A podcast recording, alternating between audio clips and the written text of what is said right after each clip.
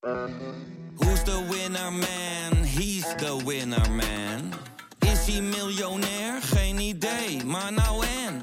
Je hebt geen jackpot nodig to be a winner man. Oh oké, dat is wel lekker man. Deze podcast is 100% expertisevrij en alleen geschikt voor amusementsdoeleinden. De inhoud mag niet worden beschouwd als financieel advies. Dit is Jong Beleggen, de podcast. Ik ben Milou Ik ben Pim. En ik ben Dennis. en in deze aflevering deel 2 van hoe doe je een fundamentele analyse. We hebben het over management Eh, ja, over competitief voordeel. En hoe herken je nou een competitief voordeel? en dan hebben we het dus ook over prijselasticiteit. Het is net alsof ik weer in de economieklas zit. Ja, er komt een hoop economie bij. En natuurlijk de, de theorie van Michael Porter. Ja, en wat doe je als je flesje cola in prijs verdubbelt? Stap je dan over op Pepsi?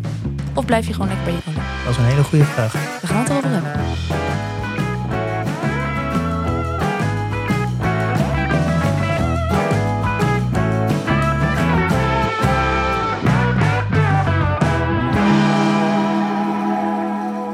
We gaan het hebben over het competitief voordeel en het management. En dit is een, eh, een hele interessante onderdeel van de analyse. Waarom? Vind je het zo interessant?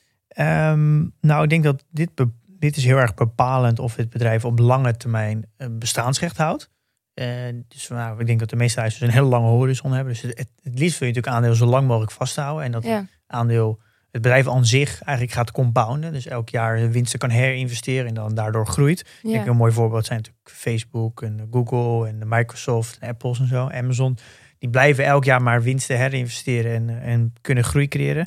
Eigenlijk wil je zulke soort bedrijven zou je natuurlijk vroeg willen hebben. Ja, maar we weten nog van Thomas Heeg, twee afleveringen geleden, dat hij zei, ja, een bedrijf leefde in 2015 gemiddeld maar 15 jaar. Ja, en da- maar een, een goed competitief voordeel eh, heeft een, ja, zorgt ervoor dat het bedrijf heel veel voor lange termijn bestaansrecht heeft. Ja, Eh, dus dit is heel belangrijk. En daarnaast natuurlijk het volgende onderdeel is dat hoe gaat het management daarmee om? En want een, het is niet zo dat als je eenmaal een competitief voordeel hebt, dat je, dat, dat je daar niks meer hoeft te doen. Dan moet je natuurlijk wel onderhouden. En wie doet dat? Dat is het management. Dus Ja. die, die twee samen, eh, die bepalen heel erg of het bedrijf op lange termijn bestaansrecht houdt. En of het ook een, een beter bedrijf wordt dan dat het nu is. ja, dus een belangrijk onderdeel is dit ook van de fundamentele analyse. Eh, En management. ja, Dennis, heb je daar nog wat op aan te vullen? Eh, nee, het volgt, het volgt erop. Hè. Op het moment dat je het eh, uit de vorige, vorige aflevering, als je het snapt, je ziet het verdienmodel, als je begrijpt wat het bedrijf doet, ja, dan is het ook nog wel even de vraag, eh, kunnen ze dat de komende jaren nog blijven doen en, eh, en hoe goed doen ze dat ten opzichte van de rest?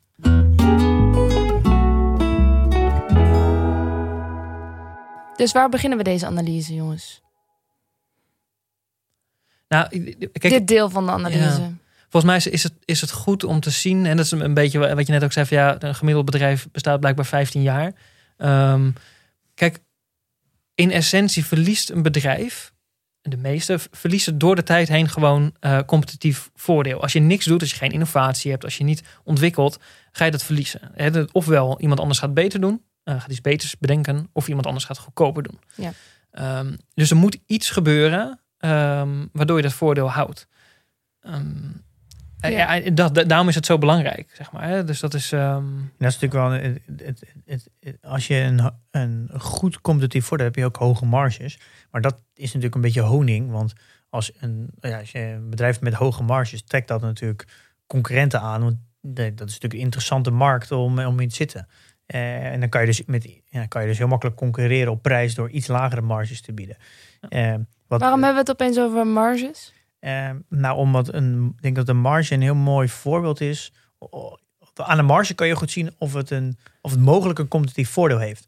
Want als het maar een marge heeft van 2%, dan heeft het natuurlijk geen competitief voordeel. Maar als het een marge heeft van 30, 40%, ja, dan heeft het een heel groot competitief voordeel. Om dat even concreet te maken, hebben we daar voorbeelden bij? nou ja, ik, ik denk dat als je kijkt naar ehm, ehm, een, een Facebook, ehm, al eerder gesproken, maar ik denk ook Alphabet. Dat zijn bedrijven die, die volgens mij in een marge zitten waar eh, eh, de meeste niet in zitten. Heel veel cloud, eh, de Amazon Ja. Cloud in ieder geval, hè, niet Amazon als geheel. Maar wat bedoelen we dan precies met, met marge? Ja, dat is eigenlijk, kijk, op het moment dat je iets moet maken voor een euro en je kan het voor twee verkopen, dan, eh, dan ben je, dat wat ertussen zit, is gewoon je marge. Dus kijk, Ja, op het moment dat er gewoon heel veel eh, concurrenten zijn of alternatieven waar je het ook kan kopen, ja, kan je gewoon minder geld vragen. oké. dus zo'n Ehm, Facebook heeft hoge marges, omdat dat heel ja, dat meer kan vragen voor zijn advertenties, omdat het weinig concurrentie heeft. Weinig competitief. Ja, veel competitief voordeel. Ja, alle platformen die zij hebben. eh, nou goed, het, zijn in ieder geval in de westerse wereld, Amerika, Europa, er zijn niet heel veel alternatieven. Je zit gauw aan een Facebook eh gedieerd eh, Ja. platform. Ja. Ehm, Dus zij kunnen Ja. hoge marges. ja, en het bereik is gigantisch. Er zijn niet, mij niet echt alternatieven die ik zo kan bedenken waar je een even grote eh, Nee. publiek bereikt. Ik denk dat een mooi voorbeeld is als jij eh, water verkoopt op een eh, hele warme dag en er is, je bent de enige die water verkoopt, eh, dan kan jij daar een hele hoge prijs voor vragen. Maar als jij, die, als jij het water uit de supermarkt haalt en, gaan, en andere mensen die gaan het ook doen en die gaan het in dezelfde straat op hetzelfde kraampje verkopen, dan kan jij niet meer heel veel vragen, want dan gaat Ja. jouw buurman die gaat dan daar net onder zitten, dus Ja. die verkoopt dan al het water. Ja, precies. Nou ja, ik ben wel zo dan eerlijk. Ik vind water wel echt een eerste levensbehoefte. Dus ik zou daar nooit te veel voor vragen. Vind ik niet, vind ik niet juist. Eh, nee, maar er zijn plekken in de wereld waar, eh, eh, waar het heel schaars is. En dan kan je, wordt het, we gaan, worden, worden er hoge prijzen gerekend naar toeristen toe.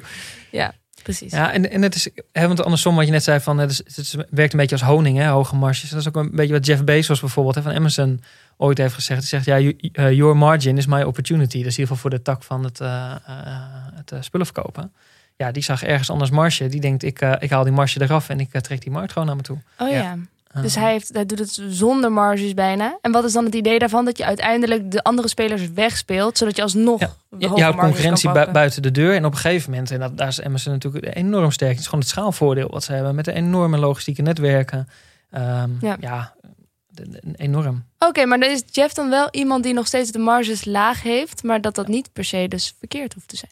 Nee, Nee. absoluut. Het is, ook, het is niet altijd zo dat, dat ehm, eh, bedrijven alleen maar goed zijn als ze de enige zijn of de monopolist of de, of de enorme marges. Er zijn bedrijven heel goed in, in met een hele kleine marge. Als je de beste bent in eh, eh, je kostenvoordeel hè, of je bent gewoon echt ja, dan heb je lage marges. Maar dat kan een enorm competitief voordeel zijn. Maar dat, nu noem je even, volgens mij, Michael Porter heeft hier een, een, een onderzoek naar gedaan. Of die heeft met een, een soort van competitieve strategie. Er zijn, dit is op te delen in twee, bedrijven zijn op te delen in twee verschillende strategieën, toch? Ja, Michael Porter, dat is een beetje de, de goeroe in, eh, in strategieland eh eh, Waarom? Wat is de achtergrond? Ehm, ja, die, die is strateeg. Die heeft onderzoek gedaan naar bedrijfsstrategieën. Oké. Ehm, Ja. Dus een bekende meneer is ook aan, aan te raden om die gewoon eens te googlen en eens even te kijken wat die. maar kijk, in essentie heeft hij eh, eh, twee hoofdbrokken aan eh, hoe moet je nou je strategie inrichten. En, en eentje is, dat noemt hij differentiatiestrategie.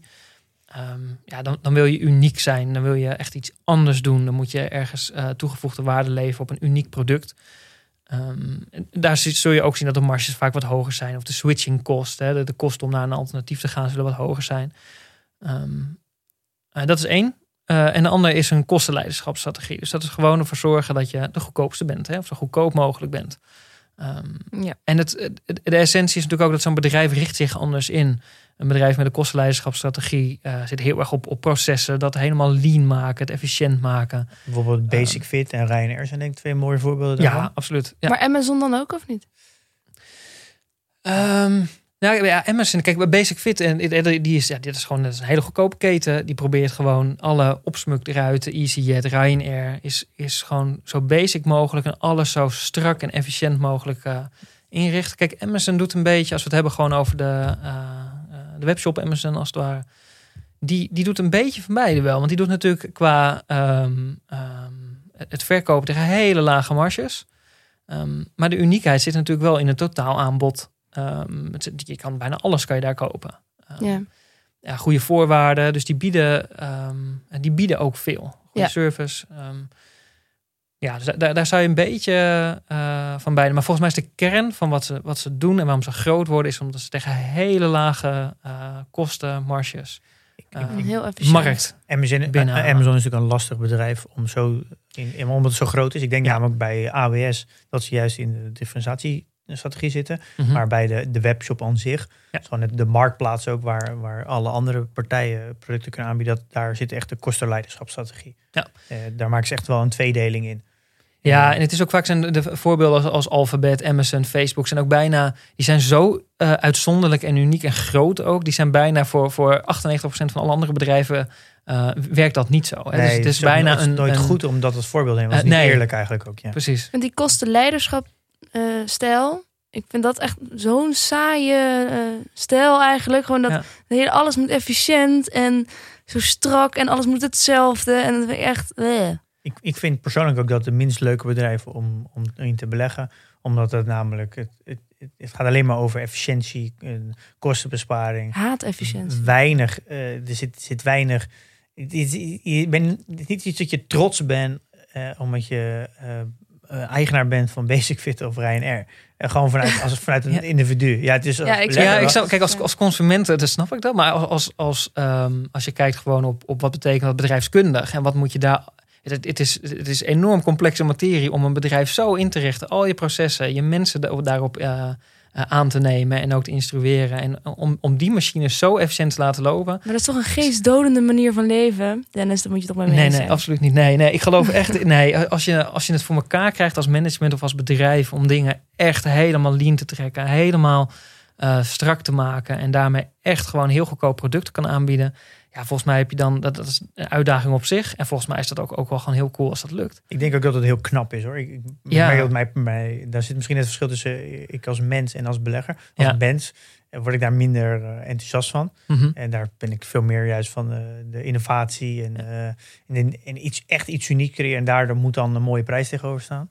Ja. Maar ik kan me wel heel goed voorstellen als, als belegger dat juist die, die kosten- en leiderschapsstrategie ook misschien wat makkelijker is, wat veiliger ook is. Want je bent eh, minder afhankelijk van, van, van nieuwe innovatie. En dat is, toch, dat is toch wat gevoeliger, denk ik. Er zit, meer, er zit ook altijd Ja, een maar- risico in. Ja, maar het feit dat er veel risico in zit, dat je marges zijn vaak ook wat lager, eh, betekent natuurlijk ook dat die uitdaging wel degelijk heel groot is. En dat je ook moet innoveren om dat weer steeds net iets Ja. slimmer te doen dan de ander.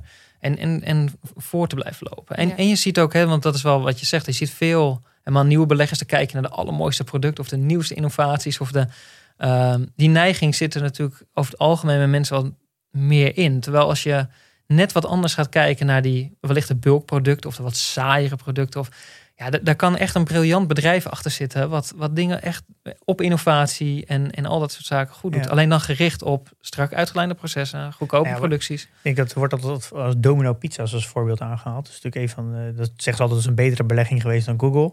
Eh, als je die grafiek kijkt van de afgelopen 20 jaar, is het eh, bijna een eh, rechte lijn omhoog.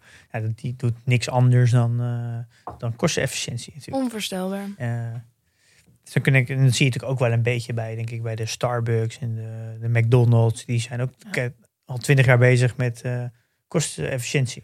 Ja, zoals McDonald's ook begonnen, zeg maar. Hè. Dat is ooit de allereerste McDonald's volgens mij. Dat was van die oprichters die hadden bedacht van nou, Ja, die, Eh, die, die zagen alle, ja. alle ingewikkelde processen in, in restaurants. Of, eh en die dachten, ja, dit, dit, dit kan strakker, Die dit kan ook een eigen een, een soort van proces ontwikkeld, dus met machines erbij, zodat iedereen een andere stap kon doen tijdens het maken van een hamburger. Ja. Kunnen we één echt leuk bedrijf noemen dat werkt volgens deze dingen? Want sorry, Domino's, niet mijn favoriet. Eh, McDonald's ook niet. Basic Fit ook niet. Is er één bedrijf bij wat echt... Iedereen vindt, dit is echt een leuk bedrijf. Dit is fijn. Nou ja, ik, jij Behalve bent voor misschien de jij bent meer een beetje een elite. Ja, ik zit me ook heel verwend op te stellen. Ja, dat, dat je ben ik mij van te en, bewust. eh, ja. ja. Heel erg eigenlijk, sorry. Ik hou mijn mond wel weer. Nou ja, ik denk dat het- heel veel mensen vinden het heel fijn om eh, bij Basic Fit te sporten. Eh, eh, omdat het goedkoop is. En heel veel mensen vinden het fijn om, om met rijden. Oké, laat, ik, laat ik de vraag dan zo stellen. Zijn er elitaire bedrijven die op deze manier werken? Gewoon puur interesse. Maar wat is, een, wat is een elitair bedrijf dan? ja, iets wat ik dus gewoon, weet ik veel... eh, mm, ja, wat is een elitair bedrijf?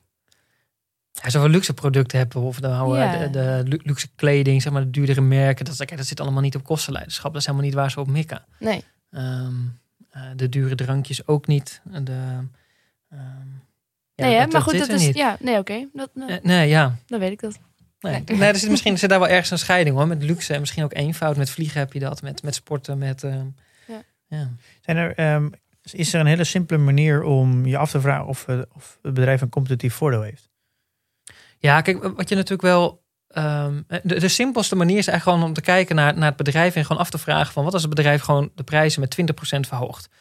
wat gebeurt er dan? Kijk, als een Netflix dat doet, tenminste niet voor, mij- voor mij, maar voor de meeste mensen, denk ik, als ik in een serie zit en die volg ik, eh, dan kan Netflix de prijs echt wel prima met 20, 30, 40 procent omhoog doen. Ik Ja? blijf betalen en ik blijf kijken. Ja, dat doe ik ook wel, ja. Ja. Ehm, omdat ze, ze hebben een competitief voordeel. Ze hebben unieke series, ze hebben unieke films en ze hebben gewoon een groot aanbod. Ja, dus ik, ik Ja. blijf er wel bij. Ja. Ehm, ik, ik ga niet voor drie of vier of vijf euro meer per maand ga ik het niet opzeggen en dan maar de serie niet kijken. Dat, dat is, Oké. ehm, maar er zijn natuurlijk bedrijven eh, te bedenken. Als je naar eh, een randstad, eh, die levert eh, uitzendkrachten. Ja, als daar in één keer de, de prijs met 20% omhoog gaat, dan ga je als bedrijf er naar een ander uitzendbureau. Ja, want er zijn genoeg andere uitzendbureaus. Ja, ja. Shell aan de pomp. Ja. Als ik, als ik 100 meter verder rijd en ik kan bij de BP voor 20% minder tanken, dan doe ik dat waarschijnlijk. Ehm, weet je, de- dus... ehm, Cola? ga- ehm, eh, cola, ja, dat is een enorm, tenminste voor mij, maar voor veel mensen denk ik... eh, voor Coca-Cola, eh dan mag de prijs, uh, dan mag, mag wel 50% bij, koop ik het nog, zeg maar. Ik ga niet overstappen naar een eigen Oh, merk. echt? Ja, Je, 100%. gaat niet, je gaat niet naar Pepsi. Nee, nooit. nee, Oh, ik nee, ik heb zelfs als ik bij een eh, terras cola wil drinken en ze hebben Pepsi, dan bestel ik Spa rood. Wow. Ja. dit is, toch ook, Bij mij is het andersom. Echt waar? Ja. Oh. is toch ook gewoon een optie om het helemaal niet meer te drinken. Ik vind het echt, echt suikerwater. Ja, daar heb je de CEO-variant voor, hè? nou, en, en natuurlijk is het persoonlijk, maar ik denk dat iedereen wel, wel hey, je kan wel aanvoelen van of je ehm, eh, ja, bij de McDonald's een burger wil eten of een Coca-Cola wil bestellen of een Netflix-serie wil kijken. Daar zit gewoon, ehm, dat competitief voordeel is daar gewoon wat groter dan bij ehm Randstad. nou, Randstad of een Shell. Of Ja. een, eh, Ja. ehm, Want dat, dat noem je dan, eh, heeft, dat heeft iets met de prijs te maken. Daar, dus je kijkt heel erg naar wat, als de prijzen verhoogd worden, gaan mensen het dan nog steeds afnemen? Eh daar komt natuurlijk heel snel al bij de vraag, eh, zijn er alternatieven? mhm. Dus dan kom je al heel snel bij het monopolie-idee of duopolie of iets in die buurt. Ehm, De onzichtbare hand. Moet ik ook aan denken. Toch? Van Adam Smith. Die heeft, dat was die econoom. Die zei van vraag en aanbod. En dus ook prijs hangen met elkaar samen. Ja, de, de Ja. prijselasticiteit noemen we dat in de economie. Ja, ja, ja. En dat is, kijk, op het moment dat je ehm, eh, een monopolie hebt, dan is het een vrij simpele, eh, dan heb je een inelastische prijs. En dan kan je de prijs heel erg verhogen, maar gebeurt er niet zoveel met de vraag. Ja. Ehm, en, en andersom eh, kan het zo zijn voor zaken waar heel veel concurrentie is. Ja, als je dan de prijs gaat verhogen, gaat- gaat de vraag van het product gewoon heel erg naar beneden. Dan is de prijs elastisch. dus dan verkoop je minder vaak, maar wel voor een hogere prijs. Maar onderaan de streep ga je er niet op vooruit. Dat is een beetje het idee, toch? Eh, Ja, en er zit ergens zitten dan natuurlijk altijd weer de omslagpunten. Hè, van hoe ver kan je het verhogen? eh, en, wat voor omzet heb je dan nog? Hoeveel vraaguitval wil je accepteren? Eh, Ja. Nou, weet je, daar daar kan je natuurlijk een beetje... Maar het idee is toch een beetje, als je de prijs met één verhoogt, neemt de aanbod ook de, de vraag met ook met één af, waardoor je onderaan de streep hetzelfde uitkomt. Ja, dat kan. Maar dat kan natuurlijk ook dat kan anders werken. Hè? Er zullen producten zijn als je de, vraag gaat ver- of de, de prijs gaat verhogen, dat de vraag gewoon instort. Eh, dat kan. Het, Ja, kan ook, oké, ja, ja. het is inelastisch op het moment, hè, in, in het Netflix voorbeeld van net. Ja, als die, die is voor mij in ieder geval, en ik denk voor veel consumenten, is inelastisch als ze de prijs met 20% verhogen. Ja, omdat je het nergens anders kan Eh, krijgen. ja. Nee, en ik wil het gewoon graag en ook voor 20% meer. Ja. Oké. En is dit een beetje het vertrekpunt voor je analyse of iets een competitief voordeel heeft of niet? Nou, het- voor mij is het in ieder geval, het is een eenvoudige manier om er naar te kijken. En ook als je kijkt naar het stukje, eh, het is goed volgens mij om te begrijpen, ook met die strategie, van waar zitten ze nou precies? Hè? En, en hoe goed ehm, eh, doen ze dat? Het is ook een beetje als je, en dat is ook wat Poorter zegt, hè, op het moment dat je tussen die twee strategieën, differentiatie en kosten, eh, als je er tussenin gaat zitten, van allebei een beetje wil zijn, die neiging hebben ook wel veel bedrijven, dan, dan eindig je een beetje, hè, na 15 jaar dan besta je niet meer, hè, de gemiddelde omdat je dan en je bent bezig met je, eh, met je R&D, ontwikkeling, een uniek product, dat vermarkten. En aan de andere kant je bedrijf heel erg inrichten op efficiënte processen en alles ja, low cost houden. Dat, is, dat is bijna niet te doen. Dan raak je een beetje in een... Ja, dat is ook een- logisch, want je hebt niet de marges om je, je R&D constant te funden. En dan moet je dus bijna elk jaar een soort van eh, eh, 100% score hebben uit je R&D. Je kan dus niet even vijf jaar geen nieuwe innovatie hebben, want daar heb je de marges niet voor om dat te kunnen betalen. Dus Ja. dan ga je uiteindelijk verdwijnen. En maar dit is eh, heel belangrijk als je dus het weet hoe het bedrijf geld verdient, dat je ook weet mm, hoe werkt nou precies die prijsstrategie. Dan kan je ook veel beter bekijken hoe gaat het management, management daar dan mee om. Want Ja. dat is natuurlijk wel heel belangrijk. Als je dat kan indelen, dan weet je ook eh, hoe het management het bedrijf moet runnen. Want als het gaat om eh, bijvoorbeeld, nou, bijvoorbeeld Apple, die gaat natuurlijk, dat zit vooral in de, in de innovatie. Daar, die kunnen gewoon vijf jaar eh, een paar, nou zeg wel 20 miljard besteden aan iets nieuws ontdekken. Dus dan moet die organisatie moet daar ook naar ingericht zijn. Ja. Dat geldt natuurlijk zelden voor Disney ook. En zo, die kunnen, die kunnen zo lang besteden aan een, aan een film. Maar als die, als die film een nieuwe blockbuster wordt en ze kunnen daar een heel park mee vullen en allemaal een heel, nou, eh, een heel, heel systeem op, omheen getuigen met allemaal spullen die verkocht worden en spellen en nou, allemaal andere speelgoed. Dan is dat dan, die, die upside is dan zo hoog. eh, Mhm. Dat ze er dat ze ja, kunnen veroorloven om daar vijf jaar aan te werken. Mhm. En, maar dan moet het management daar ook die cultuur creëren en ermee omgaan om, dat, om daar focus op te hebben. Dan moeten ze dus niet op een gegeven moment, als dat te lang duurt, af, uitwijken naar meer kostenefficiëntie. Ja. Nee, en wa- en wat ook wel, waarom het ook zo belangrijk is, en dat was voor mij ook wel echt een eye-opener eh, op die laatste eh, aandeelhoudersvergadering van eh, Warren Buffett, Berkshire Hathaway. Daar liet hij een, een plaatje zien van ehm, begin 20e eeuw, zeg maar. Toen kwam die, die auto-industrie heel erg op. En toen wist iedereen dat gaat mega worden. Hè? Dat wordt een enorme eh, eh, groeimarkt. En, en, en sinds eh, die hele 20e eeuw zijn er blijkbaar 2000 Amerikaanse autofabrikanten geweest. En ondanks dat we wisten dat dat een mega markt ging worden, daar legde die ook uit. Uiteindelijk zijn er maar drie overgebleven. Drie grote Amerikaanse autofabrikanten. En het is bijzonder moeilijk om die drie uit te hebben gekozen. Tussen die 2000 van al die goede bedrijven. Ja. 21 jaar zijn er dus. Zijn er dus Nee, de 20e eeuw. Oh, oh, oh ja, wat Ja, ja. de 20 eeuw, sorry. Eh, dus dat is in, in even simpel gezegd eh eh 100 jaar. Ja, ik weet niet precies wanneer ze op, zijn gekomen, die markt. En dan kijk ik maar op een gegeven moment, hè, er, zijn er, zijn er zoveel geweest. Dus eigenlijk in, eh, dus in 100 jaar zijn er dus zijn 2000 bedrijven geweest, waarvan er nu nog maar drie over zijn. ja, en dan voegde hij nog aan toe dat twee daarvan in 2008 of 9 geloof ik faillissement hebben aangevraagd. Ja, met de kredietcrisis. Met de ja. kredietcrisis. Dus ehm, ja, in ieder geval om aan te geven hoe lastig het is. Helemaal als je een grote trend ziet. Wat zijn nou de echte winnaars? Daarom is het zo'n belangrijk onderwerp dat je ehm ja, daar goed naar kijkt. Het is niet vanzelfsprekend dat, dat een bedrijf die het nu goed doet... dat hij het over vijf jaar of over tien jaar nog Ja. steeds... ehm, Ja, maar dat heeft natuurlijk ook mee te maken dat het, het uiteindelijke product, en dus een auto, eh, dat daar gewoon hele lage marges op zitten. Nou, maar misschien, eh, want dat is wat net al eventjes in ieder geval voor die de basis van Porter, hè, die twee, twee strategieën. En wat ook nog wel, je hebt ehm eh, Philip Fisher, is ook niet, niet een, een hele bekende ehm eh goeroe over het algemeen. Er wordt iets minder eh, gequote ook, maar dat is wel ook echt een aanrader om daar eens wat over te lezen. Maar die heeft een boekje geschreven uit 1958, is vrij oud. Common Stocks and Uncommon Profits. Ehm, en er staan nog steeds hele wijze lessen in. Maar eentje Ehm, die is wel interessant, helemaal als je, als je gaat kijken van hoe competitief is een bedrijf nou. Dat noemt hij de scuttlebutt method. Ehm, en wat hij ermee bedoelt is gewoon los van dat je alle publicaties kan lezen en de jaarverslagen en de website, ook helemaal naar kijken.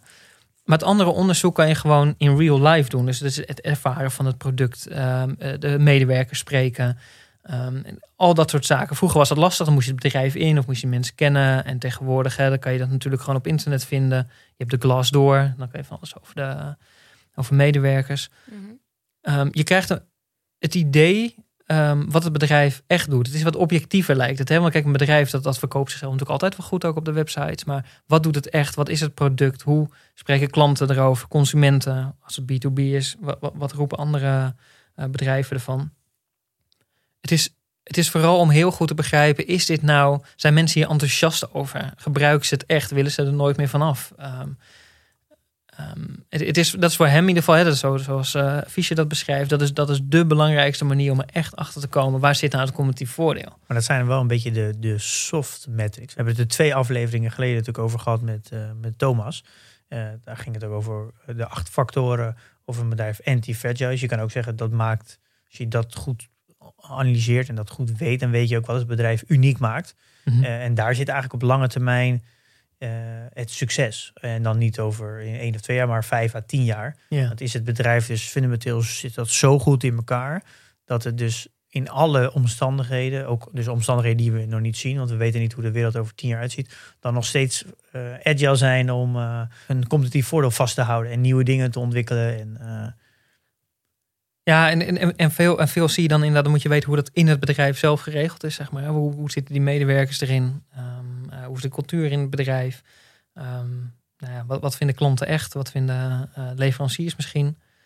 En, ehm, en om het echt te ervaren. hè. Ik, ik, heb, ik, ik heb zelf bijvoorbeeld, ik heb eh, al heel wat jaren geleden heb ik eh, het aandeel Beter Bed gekocht.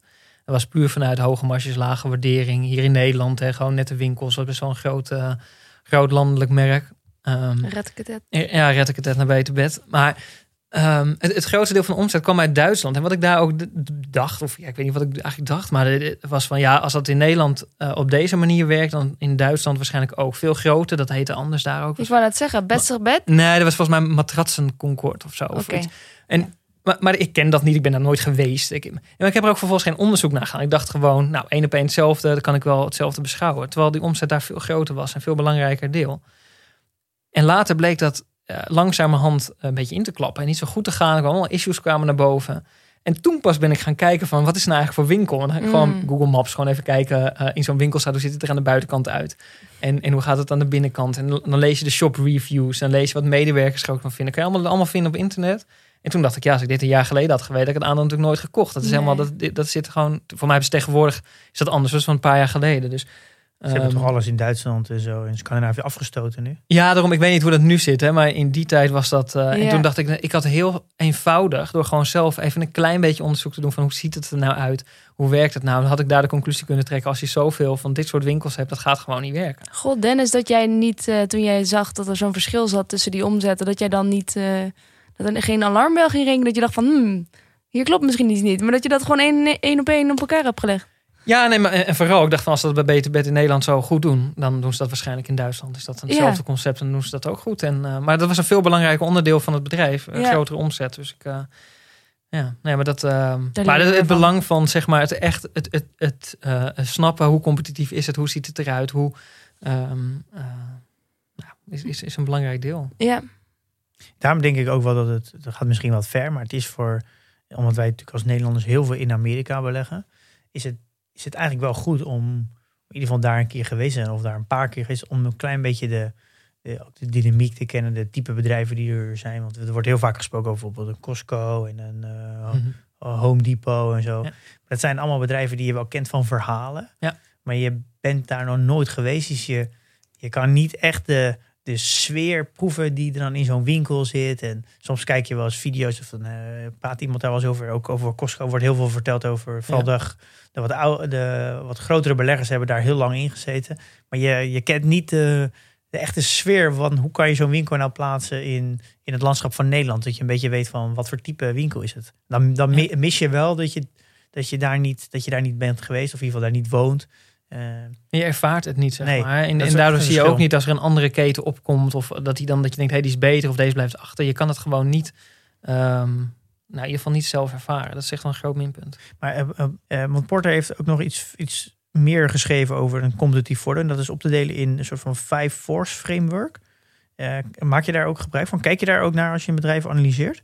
Ja, ik heb het in ieder geval, ik, ik heb het in mijn achterhoofd zitten, zeg maar. Ik weet, ik weet een beetje hoe dat werkt, wat het is. Het zit in je achterhoofd. Het zijn wel een beetje de lenzen waardoor je kijkt naar een bedrijf. Hè? Dat is eh, ehm, misschien goed om ze even te benoemen, hè? Ja. alle vijf. Mhm. Ehm, je het begint met eh, de, de bargaining powers of buyers. Dus gewoon hoe eh, machtig zijn de kopers van het product. Die Ja. hebben natuurlijk afhankelijk van je concurrentiepositie een bepaalde ehm, macht. Ja, dat is een mooi voorbeeld. Dus als ik ga vliegen, kan ik met KLM of met eh, EasyJet. Ik word allebei van A naar B gebracht. Ja, in, in de vliegtuigindustrie heb je, heb je eh, wat mij betreft, een, een, ja, als koper. Het maakt mij, maar daar daar kunnen andere mensen misschien anders naar kijken. Maar of ik met KLM of British Airways of Air France vlieg, het maakt mij niet zoveel uit. Als ik ergens eh 100 euro goedkoper kan vliegen, dan doe ik dat wel. Je zou nog kunnen zeggen dat, dat EasyJet en Ryanair wat anders zijn dan KLM en British Airways. Ehm, eh, dat onderscheid is er nog, maar ik denk dat Air France of KLM, ik denk, volgens mij maakt dat niet zoveel uit. Dus dan heb Ja. je als koper best veel macht om die eh, eh, prijzen te bepalen. Ja, en dat is natuurlijk heel anders bij Apple. Eh, Eh, ja. Want dan moet je echt een heel ander ecosysteem in. Ja. Eh, en dan eh, de volgende. Ja, dan hebben we de bargaining power of suppliers. Ja, dat, dat is hetzelfde principe, maar dan eh, eh, de leveranciers. ja. Ehm, ja, kijk, als je producten nodig hebt die, die heel schaars zijn, ehm, eh, ja, dan, dan heb je niet zoveel keus. En dan ben je heel erg afhankelijk van welke prijs je doorgerekend krijgt. Als we dat ook weer bij de vliegtuigmaatschappijen houden. Ja, daar, daar zijn niet heel veel leveranciers van. Eh, niet van de motoren, maar ook niet van de vliegtuigen zelf. Nee, we hebben Boeing en we hebben Airbus. We hebben Airbus. Ja, Eh, dat is maar- het. En luchthavens ook, hè, de slots die je hebt op een luchthaven. Ehm, Is ja, die, die niet zijn meer? niet onbeperkt. Bestaat Fokker niet meer? Mm, nou, er bestaat misschien wel, maar het maakt niet volledige vliegtuigen meer. Ik denk Nee, onderdelen volgens voor Airbus, denk ik. Ah ja, oké. En dat is misschien ook wel interessant om eh, over dat. Als we naar de elektrische auto gaan kijken, of gewoon de nieuwe auto, Mhm. daar gaat straks natuurlijk een heel groot onderdeel natuurlijk de batterij zijn. Nou, Ja. Daar zijn niet heel veel leveranciers in de wereld op dit moment die dat doen. Dan hebben we nog het stukje de technologie erin. Mhm. Eh, dus wie doet dan eh, het, het slim maken van de auto? Nou, daar zijn ook niet heel veel leveranciers. Dus je gaat straks natuurlijk krijgen als, als bijvoorbeeld een Peugeot of zo, of Citroën. Die krijgen straks natuurlijk eh, hier heel erg mee te maken. Want die, die, de onderhandelingskracht van een Citroën naar een batterijleverancier of naar een, ja, meer een, een, een softwareleverancier, die gaat straks eh, heel slecht worden. Ja. Ja. Ja. En, en daar zit denk ik echt heel gro- het grote gevaar, denk ik, voor de auto-industrie. Als je, als je niet een van die dingen zelf doet, dan wordt je positie echt heel zwak. Ja, en, de, en dat kan het zijn, want dat is gewoon van de prijs die je, die je moet betalen. in de. En soms zijn de switchingskosten ook gewoon heel erg hoog. Hè? Als je op een gegeven moment ergens vastzit aan een leverancier, je kan ook niet altijd, ook al zijn er alternatieven, het kost soms ook gewoon heel veel geld om te switchen. Bijvoorbeeld bij Microsoft Office. Bijvoorbeeld. Zeker, Microsoft is denk ik een, misschien wel een perfect voorbeeld dat, is- Ja. dat het wisselen van een Microsoft, vooral voor een bedrijf, on- Ja, onmogelijk is. ja, dat kan bijna niet. Kan niet. Nee, dat, dat, Ik dat kost zoveel waar, geld. Ik denk waar jij werkt eh, bij de NPO. Ja, wij werken met Google. Eh, bij Avrotros. Bij Google? Wij zitten met, eh, we zijn er net overgestapt, dus ik heb ook geen Word meer. Oh, wauw. Ah, Wij zijn dat geswitcht. hoor je niet vaak. Nee. Ja. Helemaal niks meer van Microsoft? Nee. Nee, ik zit met eh, Google, zit met Excel en met eh, Docs. En eh, ja, we werken in de cloud. Oh, wauw. Ah, wat goed. Oh. Het is op zich wel handig, omdat je dan altijd overal toegang hebt tot al je bestanden. Ja, nee, zeker ja. Nee, Hm. dat klopt. Nou, vind kan dus wel. Ja, Ja, kan dus precies. wel. Ik had het niet Goed inzicht. Ja. Ja. Ehm. goed, we waren een lijstje aan het doen. Ja, puntje drie. Eh, De threat of new entrants. Ja, die, in sommige markten zijn, is het gewoon relatief eenvoudig om toe te treden. Eh, ja, in sommige is dat gewoon ontzettend lastig. Oké. Ja, dus hier de ook. dreiging van nieuwe toetreders, dat ja. Ja, en dat heb je natuurlijk enerzijds, als we het weer even bij de vliegtuigen houden, bij, als je het hebt over de bargaining powers, dan doen, doen, doen vliegtuigmaatschappijen dat, dat denk ik wat, wat minder goed. Maar ja, je begint niet zomaar een nieuwe vliegtuigmaatschappij, zeg maar, met een stel eh, eh, vliegtuigen en Nee. slots op luchthavens. Zeker En, niet in eh, 2021. Maar ik denk dat dat ook heel erg de kracht is waarom eh, de, van de oude bedrijven zoals de utilities en zo en de waterzuivering, eh, de stroom van de mik en de trein, de, rail, de, de railroads en zo, dat zijn natuurlijk Ja. allemaal commerciële bedrijven daar. Die, dat zijn voor heel veel mensen een hele fijne belegging, omdat daar, daar komt natuurlijk komt nooit, niet zo er komt nooit meer, er gaat nooit een nieuwe eh, partij een heel rails aanleggen en de treinen, dat gaat gewoon niet gebeuren. Dus dat zijn relatief veilige, veilige beleggingen. En daar Ja. kan het alleen maar fout gaan als mismanagement is. En je ziet bij, bij oude, een beetje de oude economieën, of, of, of zaken als bijvoorbeeld eh, eh, sigaretten of dat soort zaken. Ja, er gaan niet zo heel veel mensen meer nu denken, of bedrijven, van joh, laten we een nieuw sigarettenmerk Nee. bedenken of zo. Dat is, dat is een uitstervend iets. Maar dat is het al 10, 20 jaar. Maar het is al 10, 20 jaar een goede belegging. Ja, precies. Maar dat is je- Komt juist of er- onder andere door Ja. dit principe. hè. Je, je Oh. krijgt er geen concurrenten. Printers, hetzelfde denk ik. Maar vape, vapers, die vaporizers. Dat is Ja. een soort van concurrent, een beetje in dezelfde branche. Nieuwe toetreder. Ja, maar dat, dat is meer een vervanging van dan dat het eh, een booming stijgt. Het, het is meer het verplaatst. Hè, van, eh, Ja. ehm, nou. Oké, ja. Mhm. Ehm, en punt 4 hebben we de threat of substitute products or services. Hey, dat is dus een vape. Wat zei je? Dat is de Oh, ja, vaporizer. precies. Ja, ja. En, en dat is wel, het is wel ook een, een belangrijk. Het kan echt een volledige shift zijn, zeg maar. Echt van ehm, eh, post eh, met postzegels naar e-mail. eh, Oh, ja. Een totaal ander product door een ander bedrijf gemaakt. Het is wel een heel oud voorbeeld, hè, maar ehm, Ja. het zijn vaak en die zie je vaak over het hoofd of zie je niet direct. hè. Je kijkt vaak naar de directe concurrenten, maar, maar de, de grootste shifts zijn ehm, eh, ja, dit ook het videobellen, wat nu is recent zeg maar videobellen, dat gaat heel veel voor zakelijk reizen betekenen. Ja, Misschien en voor ook wel de kantoorgebouwen. kantoorgebouwen. Ehm, dus is een, ja, een, ander, een ander bedrijfstak die, die, die een shift maakt in. Ja. Nou, dan heb je bijvoorbeeld natuurlijk eh, de, van fysieke cd's naar eh, iTunes, losse nummers. En van iTunes naar streaming. Ja. Eh, ik denk dat dat is ook vaak... eigenlijk Vaak komt toch de grootste bedreiging juist van, de industrie, van iemand die buiten de industrie zit. ja, absoluut. Ja. Is dat bijna niet eigenlijk, en dat noemen we natuurlijk met een heel mooi woord, disruptie. Ja. Is dat niet bijna eigenlijk altijd je grootste bedreiging?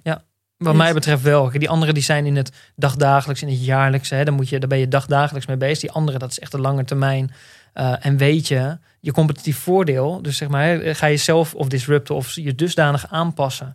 Dat je ehm, nou, voor blijft of mee blijft komen. Of eh, ja, word je toch ergens een keer weggevaagd. Ja, en is het, eh, dit is, hoe, hoe kan je hier dan als belegger rekening mee houden? Is door gewoon eigenlijk een, goed gevoel te hebben hoe, de- waar de wereld naartoe gaat? Ja, dat is het. En het is ook hier. Kijk, dit is ook het is geen exacte wetenschap. Je hoeft je dit niet in de details te maar je moet wel volgens mij voor deze zaak een gevoel hebben. Hoe werkt dit nou? Weet je, zodat je niet, niet dingen over het hoofd ziet, waarbij je later denkt: oh ja, dat klopt, eigenlijk logisch, maar ik heb er niet echt naar gekeken. Niet over nagedacht. Ja, dat is onhandig. Ja, kijk, en, en om het af te ronden, kijk, daarom heet het een, een, een force, dus een krachten, vijf krachten model. Is natuurlijk die vijfde, dat is eh, eh, the rivalry among ex- existing competitors. Dat is eigenlijk die andere vier, die drukken Ja. naar het midden toe op dat stukje. Dat is waar eh, eh, de, de hele markt dan in, zich in begeeft. Daar zit de rivaliteit, daar, daar concurreren ze elkaar op. Ja. Eh, ja, Oké. nou, om af te ronden.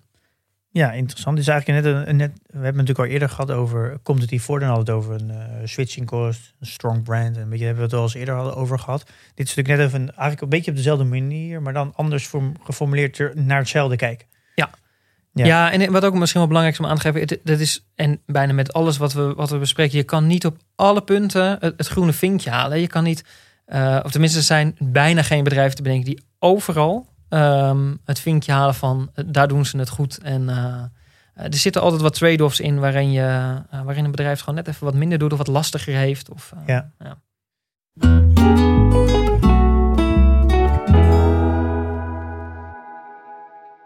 We zouden het ook nog over het management Ja. gaan hebben. Zullen we daar zo over beginnen? Hoe, hoe belangrijk is het management voor jou? Ja, eh, be- belangrijk. Het, het is eh, in, gradatie met de rest. ehm, het, het is allemaal belangrijk. hè. Ik kan niet zeggen dat dat het belangrijkste is, maar ehm, het, het bepaalt natuurlijk wel heel erg. Ik bedoel, je hebt het verdienmodel, hè, die machine, in, in dat concurreert met, met de andere verdienmodellen om zich heen. Ehm het wordt bestuurd door het management. Hè. Die, die maken keuzes daarin, die eh, eh, ontwikkelen ehm, die machine, dat verdienmodel. Die geven jou geld uit. Eh, ja, ze geven mij geld. Het is ook, je moet er ook nog vertrouwen in dat ze dat ook nog eens een keertje Ja. slim doen. Ja, want jij bent eigenaar van het bedrijf. Dus het precies. het kapitaalallocatie komt dan natuurlijk gelijk naar voren. Eh, kijk je daar dan ook heel erg naar hoe ze daarmee omgaan? Ehm, eh, ja, ja je, je kijkt natuurlijk, hè, wat, het management heeft een verhaal bij wat ze de komende vijf jaar of tien jaar of, of, eh, of op nog langere termijn, wat ze eh, willen bereiken met het bedrijf. Hè, waar ze naartoe willen groeien, welke veranderingen ze zien. Ehm, en daar moeten ze geld voor gaan uitgeven. Dat is jouw geld, hè? Ehm, ja, dus dat, dat- je wil gewoon dat, je wil dat het verhaal klopt. Of in ieder geval logisch klinkt. Dat je denkt, is prima, daar gooi je daar maar heen. Dan, ehm, Ja, dat Ja. is kapitaalallocatie. Dus waar stop je je geld? eh, Want, eh, kan je daar een voorbeeld van noemen van, een, eh, van verschillende bedrijven die, eh, die laten zien dat, het, dat ze wel allebei zeggen dat ze op lange termijn, eh, lange termijn denken, maar het eigenlijk in de praktijk niet doen of juist wel doen? Nou, ik, ik zag dat bijvoorbeeld, ik- kijk bij HP laatst, hè, want ik vind HP vind ik wel, eh, ik vind een interessant bedrijf op, op heel veel vlakken, zeg maar. Hè. Ook helemaal omdat ehm, het, is- het, is, het is ook een beetje, het is geen hele grote groeimarkt meer, maar juist daardoor dat wat ze doen binnen die bestaande markt, doen ze volgens mij wel heel sterk. Want ze doen eh, alleen printers, toch? Of doen ze nog meer? Print devices, eh, de laptops. Oh, natuurlijk. hè? Ja. doen ze ook. Ja. Ehm, en ik, ik denk dat ze dat super goed doen. Ook heel efficiënt. Er is misschien niet zo heel veel groei meer in. Maar gewoon voor dat wat het is, is het een, eh, is het een goed bedrijf. Maar dan ga je vervolgens kijken naar wat, wat zegt het management erover. Want dan heb je een beetje, snap je een beetje hoe het verdienmodel werkt. En, en, en wat ze maken en hoe de producten in elkaar steken. Ehm, en dan zie ik de berichten van het management. Die hebben dan een, een langetermijnvisie tot maar liefst 2022. En daar staat eigenlijk in... Dat is toch ehm, niet zo lange termijn? Nee, precies. Eh, maar dat, of middellange termijn noemen ze het volgens mij. Ja. Eh, daar staat in hoeveel geld ze volgend jaar verdienen en het jaar daarna verdienen. Hoeveel Ja. aandelen ze gaan inkopen. Ja, punt. ja. Ja, dat is voor mij geen, dat is geen strategie. Dat is geen lange termijn perspectief. Dat is gewoon mm, wat we doen, doen gaan we nog twee jaar ook doen. En we gaan heel veel geld aan jullie teruggeven. beetje Eh, uitknijpen. een beetje uit. Ja, ik, ehm, nou, dan raak ik een beetje de, het enthousiasme kwijt, zeg maar. Ja. En dat is niet, niet omdat er altijd maar allemaal spannende dingen moeten gebeuren, maar je wil wel gewoon een beeld hebben bij hoe doen ze ook iets in een, een markt waar, waar niet een enorme groei meer zit of waar je gewoon een beetje de stabiliteit Ja. op bouwt. Dan kan je nog wel degelijk gewoon echt een goed plan hebben hoe je dat de komende 15 jaar gaat doen. Is dat ook niet eh, belangrijk omdat je als een, als een, een bedrijf, een management een strategie uitzet voor bijvoorbeeld tien jaar, dan zou je dus een, dan kan je ten eerste kan je daarmee eens zijn of niet. Dus dan heb je al, al iets waar je in dan investeert. En dan de volgende stap is ook, dan kan je het ook toetsen. Want je Mhm. kan het reverse engineeren weer naar, naar jaar 1 en jaar 2. Dan kan je ze ook toetsen of ze zich aan de afspraken houden. Doe je dat ook?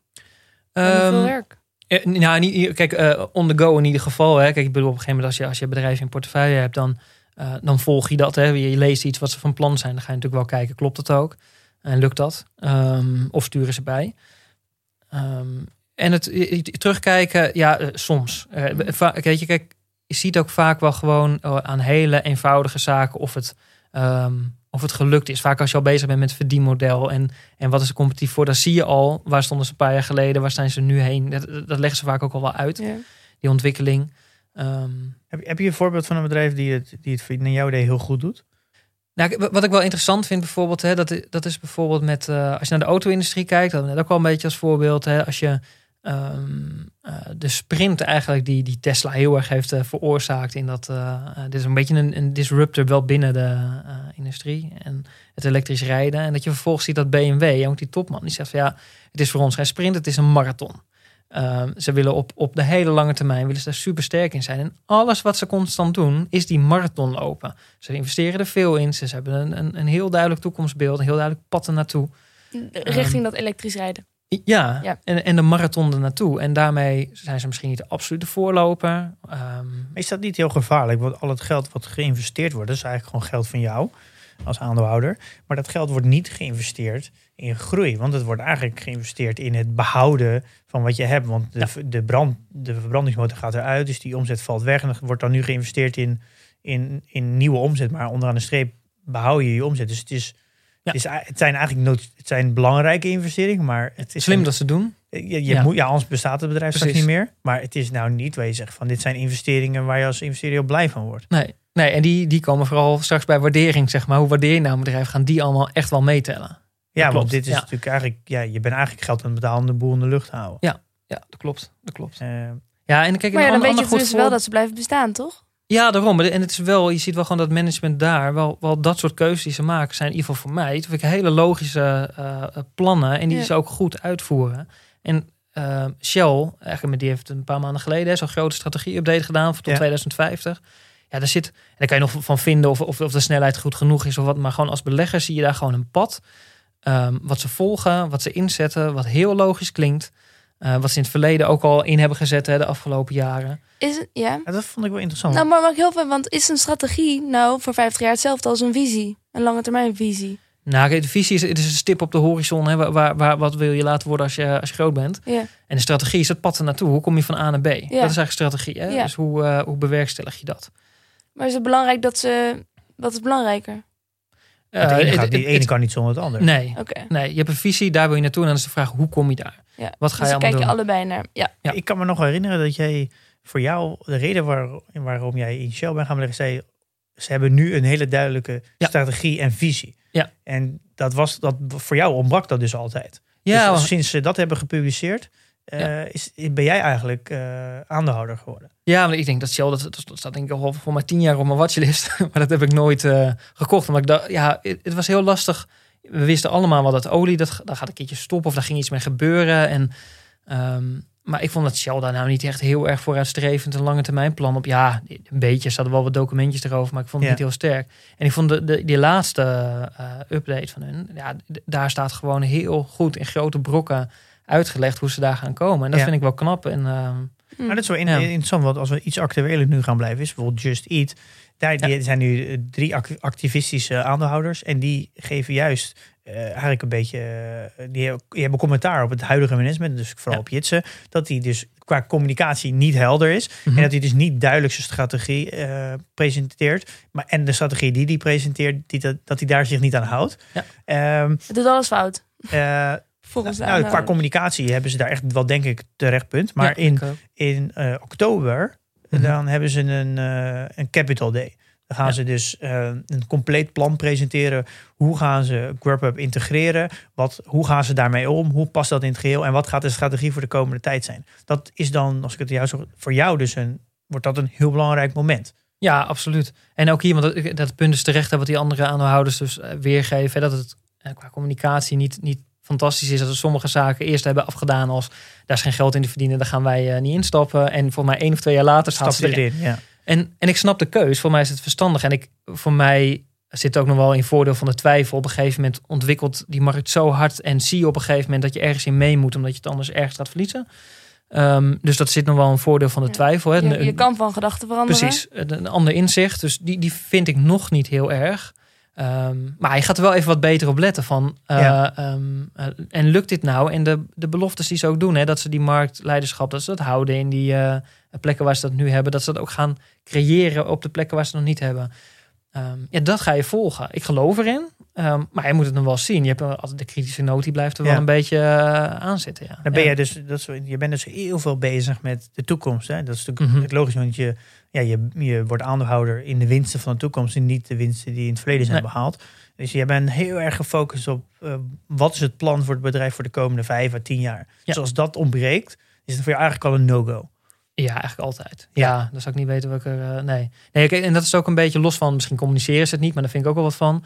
Alleen ehm, eh, als het management zich daar al niet op richt, op die lange termijn en, en hoe ze zich willen positioneren naar de toekomst, door welke strategie ze hebben.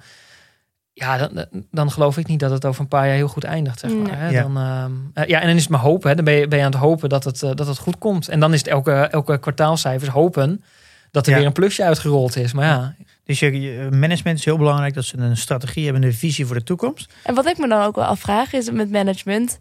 Ja, hoe weet je dat het eh, goede jongens zijn? Dat ze Ja. geen fraudeurs zijn of dat ze een beetje integer zijn? Integriteit. Integriteit, ja.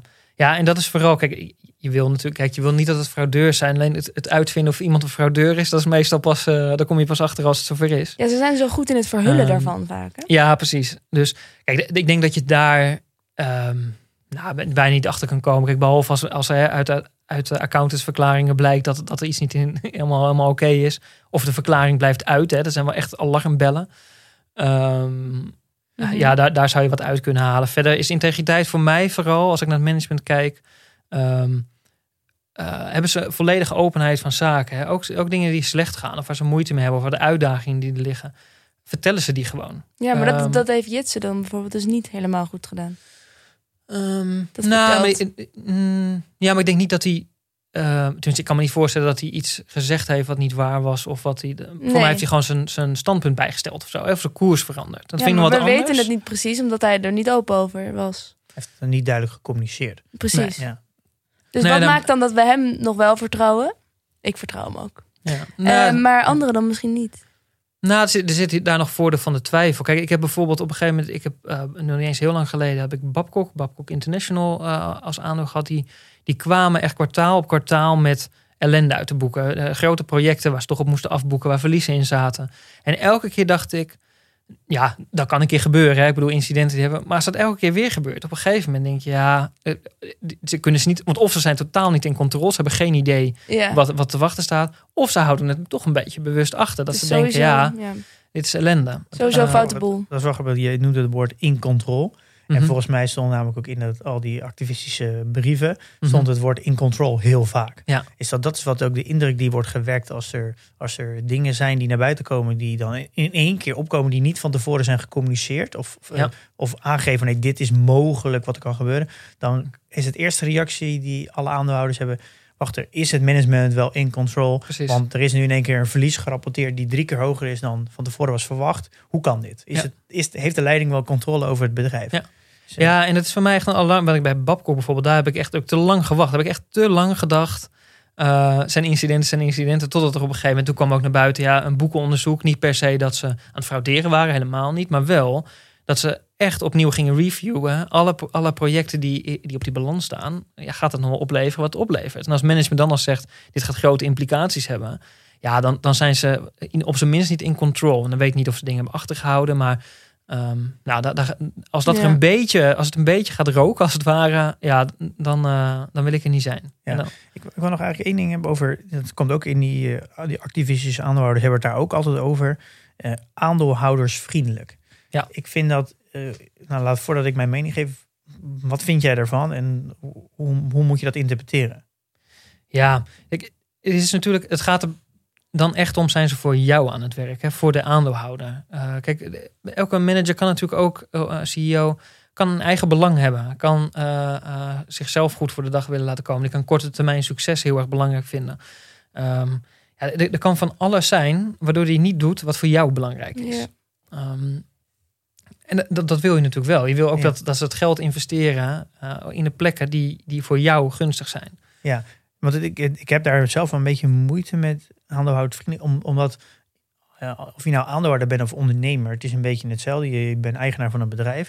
Maar ik als eigenaar van een bedrijf, ik ben niet bezig met eh, aan, eh, ja, eigenaarsvriendelijk te zijn. Waar ik mee bezig ben, is vriendelijk zijn voor mijn klanten. Ik wil Mhm. zo goed mogelijk product bieden voor, in dit geval bij, bij PDT. Ik wil zo goed mogelijk product bieden aan alle beleggers die klant zijn. Dat is mijn primaire doel.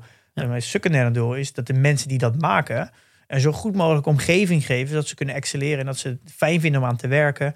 Eh, en dan komt eigenlijk als derde... dat er ik als aandeelhouder er op lange termijn ook wat aan over moet houden. Eh, Ja, maar die eerste twee stappen, die doe je natuurlijk eh, om het een succes te maken.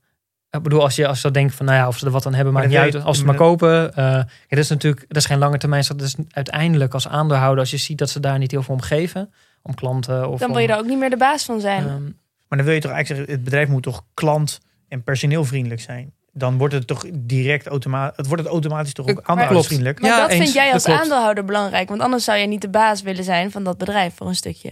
Dus maar ik ben, ik, de aandeelhouder is wel uiteindelijk gewoon de baas, Pim. Ja, maar ik, ik, ik- daar, daar zit mijn, mijn, mijn moeite met die, ook met die activisten aan bij Ja. Just Eat. Die zijn dus, als je het hebben over aandeelhoudersvrienden, dan ben je dus aan het kijken naar de koers. En Ja. dan zijn ze dus commentaar aan het geven. Van, ja, je Ja. bent niet aandeelhouder om op de koers te laten. Ja, maar je, je bent niet eigenaar van de koers. Je bent eigenaar van het bedrijf. Ja, maar dan, dan doet is de een belangrijk het verkeerd. Ja, en Just Eat is ondertussen eh, inderdaad qua koers echt waardeloos. Maar qua omzet en zo en qua marktpenetratie zijn ze- is het in twee jaar tijd eh, verdubbeld qua omzet. En de koers is, eh, is inderdaad voor me zelfs gelijk gebleven in die twee jaar tijd. Mhm. Maar de omzet is wel verdubbeld. Dus er is wel, als je puur gaat kijken naar, je hebt, ja, je hebt meer, je hebt, ook is het bedrijf minder waard geworden of niet, niet in vergelijking met de omzet. En het blijft misschien achter met concurrenten. Heeft, heb je wel als eigenaar meer waarde. ja, absoluut. Ja. Dus Ja, een bedrijf hoeft niet per se koersvriendelijk te zijn Ja, en, dat een er wordt namelijk aandeelhoudersvriendelijk wordt heel erg gerelateerd aan aan de koers. biedt het, ja, koers. Ja. Want dat, Ja, en korte termijn. Hè? Want Ja. ook aandeelhouders, en dat is natuurlijk, en dat is niet per se in mijn beleving, hè, in mijn definitie. Ik, ik hoef dat korte termijn gewin, dat hoeft voor mij niet, zeg maar. Dat is bij Just Eat ook. Daar geven ze aan van ja, verkoop die, die onderdelen in iFood bijvoorbeeld, hè, allerlei onderdelen. eh, waar ze g- groot aandeelhouder in zijn, verkoop dat. Neem de cash en dat zal dan goed zijn voor de ja, koers. ga eigen aandeel Ja, ik denk, eh, hou dat net zo lang aan totdat je de allerbeste prijs voor kan krijgen. Dat heb ik liever als aan. Dat is voor mij aandeelhoudersvriendelijk. Ik ja. hoef die koers, hoeft voor mij niet volgende week hoger, ook niet volgende maand. Over een paar jaar moet, het- komt die waarde er wel uit. Het maakt mij niet zoveel uit wanneer dat is. Ik wil dat het op het beste moment gebeurt. Dat is voor mij. Ja, dat vind ik dus ook raar. Want ze, iedereen wil dat, je, dat ze iFood verkopen wat 100% groeit per jaar. Ja. Om dan nu een, de onderwaardering in, in je in de de koers. Dat is toch... Dat is, dat is toch een hele slechte vorm van omgaan met je geld. Dat is toch zoeken naar korte termijn. En daarom vind ik, daar, zo wordt aandeelhoudersvriendelijk altijd gebruikt. Ja. En ik, daarom heb ik altijd een beetje moeite met die term. Omdat je wil eigenlijk zeggen, je moet klantvriendelijk zijn en personeelsvriendelijk. Want dan op lange termijn volgt de koers vanzelf de winst en de omzet. Ja, ja, het belang van aandeelhouders is ook niet altijd de lange termijn, zeg maar. En dat, Nee, is, dat dat is terecht punt. Ja, het is, het is een beetje een discutabele term aandeelhoudersvriendelijk. Het ligt er maar net aan welke, welke groep aandeelhouders je ook aanspreekt. Ja, dat, dat is Ja. waar. Dat is waar. hey, jongens, eh, hebben we tips om eh, het management te leren kennen? Nou, vol- volgens mij, kijk, ik denk dat het meeste ook wat, wat je, wat je ehm, eh, gaat vinden, dat is toch ook een beetje een subjectieve eh, ervaring die je erbij hebt of wat je leest. Ehm, wat er nog wel eentje is om toe te voegen is, kijk naar de insiders buying en selling. Dus wat doet het management ehm, zelf met de aandelen? Kopen ze het of verkopen ze het? Ja. Het is niet een eh, alomvattende indicator die, die dan bepaalt of het goed gaat of niet. Sommige eh, CEO's worden betaald in aandelen en die moeten op een gegeven moment ook gewoon cashen omdat ze gewoon dat geld willen uitgeven. Dus dat soort effecten zitten er wel in. Maar als je ziet dat eh, als de koers heel hard oploopt en er komt wat hype in het aandeel en wat sentimenten en je ziet ook nog de, de topmensen zie je eh, verkopen. Ja, dat, dat is wel een signaal. Die Ja. weten eh, het beste hoe het gaat met een bedrijf. Ehm, en andersom ook, hè, als je denkt van hé, hey, dit is dit lijkt toch wel erg goedkoop. Eh, en je ziet het, het topmanagement is ook gewoon aan het inkopen. Ja. Dat geeft wel wat vertrouwen of wat comfort. Ja, maar even nog persoonlijker. Als je echt het management persoonlijk wil leren kennen, ga je ook. Moet je dat willen? En ga je dan zitten googlen eh, en dat soort dingen? Of Ja, maar dat is volgens mij ook, dat zijn de stappen die je zet eigenlijk. Hè. Googelen naar de namen. Eh, met name de CEO, denk ik. Eh, nou, daar kom je interviews tegen, filmpjes tegen op YouTube. Hè. Tik de naam in en je vindt interviews van meerdere jaren vaak ook wel. Ehm, en, en je kan het lezen, gewoon in de publicaties, in de, in de jaarrekening staat altijd een introotje van, van de CEO. Die vertelt iets. Oh ja. En dat, dat geeft heel veel weer over hoe hij naar zijn bedrijf kijkt en hoe hij erin staat. Ik vind YouTube echt fantastisch. Vooral Ja. bedrijven, vooral je- vrij jonge bedrijven. Ik neem bijvoorbeeld Pieter van der Does, van de, de founder en CEO van Adyen. Dat, die heeft in die, door de jaren heen af en toe interviews. Dat doet hij bijna nooit. Mhm. Maar je, er zijn ook prima interviews te vinden van zes jaar geleden. En toen was Adyen natuurlijk vrij klein. Dus je, het interessant is om te zien hoe die eh, elke keer weer gegroeid is. Maar ook hoe zijn beeld veranderd is van hoe dat bedrijf runt. En eh, hij heeft natuurlijk meer kennis. Ja. En ook de manier hoe zijn rol veranderd is. Dat hij in eerste instantie natuurlijk wat nederig was. Omdat hij ook een beetje zijn bedrijf aan het promoten was. Maar nu zo groot is dat dat niet meer nodig is. Dus- Ja. Maar eh, voor mij was echt de overtuiging om... Ik ben echt een beetje, nou, mag ik niet zeggen... maar wel een beetje verliefd op Adyen geworden. Op het moment dat ik eh, hem, eh, hem ben gaan onderzoeken. Mhm. Hij, voor mij tikte die alle bokjes aan als het gaat om een, een bedrijf runnen met ingenieurs. Hoe, Ja. Dat is, was van een soort van. Ik had het bijna. Ik had gewoon niet, zelf niet beter kunnen doen dan hoe hij dat organiseert. Gewoon Ja. Mhm. alle fouten die ik ook in het verleden heb gemaakt. Met mijn vorige bedrijf, hoe je het opzet met ingenieurs. Die, de, de- hij weet, weet gewoon precies hoe je, dat, hoe, je, hoe je die fouten die ik heb gemaakt, die, die, die, lost hij, die lost hij gewoon gelijk op. En dat was voor mij zo'n bevestiging van oké, dit zit zo goed in elkaar. Ja. En dat is de reden waarom ik eh, echt overtuigd was eh, om in Adyen te gaan beleggen. Ja, ja, leuk. Ja, maar dat, dat is precies volgens mij hoe het, hoe het werkt of zo. En wat- nog wel een goede toevoeging is ook, hè, wat we, we zijn vaak enthousiast van die hele extraverte eh CEO's die heel veel, eh, die ook goed overkomen, goed wel bespraakt. Is ook niet altijd. Het is soms ook wel goed als je heel weinig van een CEO die al heel lang in het bedrijf zit. Je ziet er heel weinig van, bijna geen interviews. Is, komt soms wat saai over. Dat kan een fantastische CEO zijn, hè? Die, die gewoon met zijn bedrijf bezig is en de rest allemaal niet zo interessant vindt. Zijn eigen carrière ook niet op één heeft. Die is gewoon zijn, zijn business aan het managen. En ehm, ik bedoel, dat is ook goed. Een saaie CEO is, eh er hoeft echt niks meer te, mis mee te zijn. Nee, maar zelfs voor een saaie C- eh, CEO is nog best wel wat te vinden tegenwoordig. Ja, absoluut. Helemaal YouTube Ja. is daar echt, is echt Ja. fantastisch. En podcast trouwens ook. Ja. Is ook echt, eh, ja. Dat doe ik trouwens ook heel veel. Vind dat, dat vind ik ook het leuke aan, ook aan beleggen. Dat je dus naar CEO's kan luisteren en andere Ja. founders. En daar kan je zelf ook een, eh, een hoop van leren. Ja, het is leuk om te doen. Ja. Nou, heren. Management heel belangrijk. Competitief voordeel heel belangrijk. Ik heb gehoord hoe je nou ja, kunt uitzoeken of dat er is, waar je op moet letten. Bijvoorbeeld naar nou ja, die prijselasticiteit kun je kijken, wat competitief voordeel betreft. En eh, bij management, ga gewoon lekker googlen. Leer die CEO kennen. En eh, ja, dit zijn weer twee belangrijke onderdelen van die fundamentele analyse volgens mij. Ja, misschien de laatste die ik ook nog wel toevoeg aan jouw samenvatting. Dat je Ja. jezelf de vraag stellen. Wat, gebe- wat ga je doen als, je, als ze de prijs verhogen? Dat vind ik ook een hele interessante. Dan kan je al heel snel... eh, heb je daar al een gevoel bij? Wat ze gaan doen als ze de prijs gaan. Ja, ga, ga, ik van, eh, ga ik naar Android toe als Apple 20% duurder wordt? Ja, precies. Ga ik, met, eh, met, eh, ga ik niet meer met Ryanair vliegen als ze 20% duurder worden? Ga ik dan naar EasyJet? Daar kan je voor jezelf al heel snel... Ja. Heb je al een gevoel... eh, hoe zou je zelf reageren? Ja, precies. Dat indiceert al een hoop. Oké, ehm, dan zit het er weer op voor deze aflevering, geloof ik, hè? Ja. Wat gaan we volgende week doen? volgende week gaan we het hebben over financiën. De financiën. Oh ja, dat is de, mijn favoriete Ja, dit aflevering. ja, het wordt een pittige aflevering.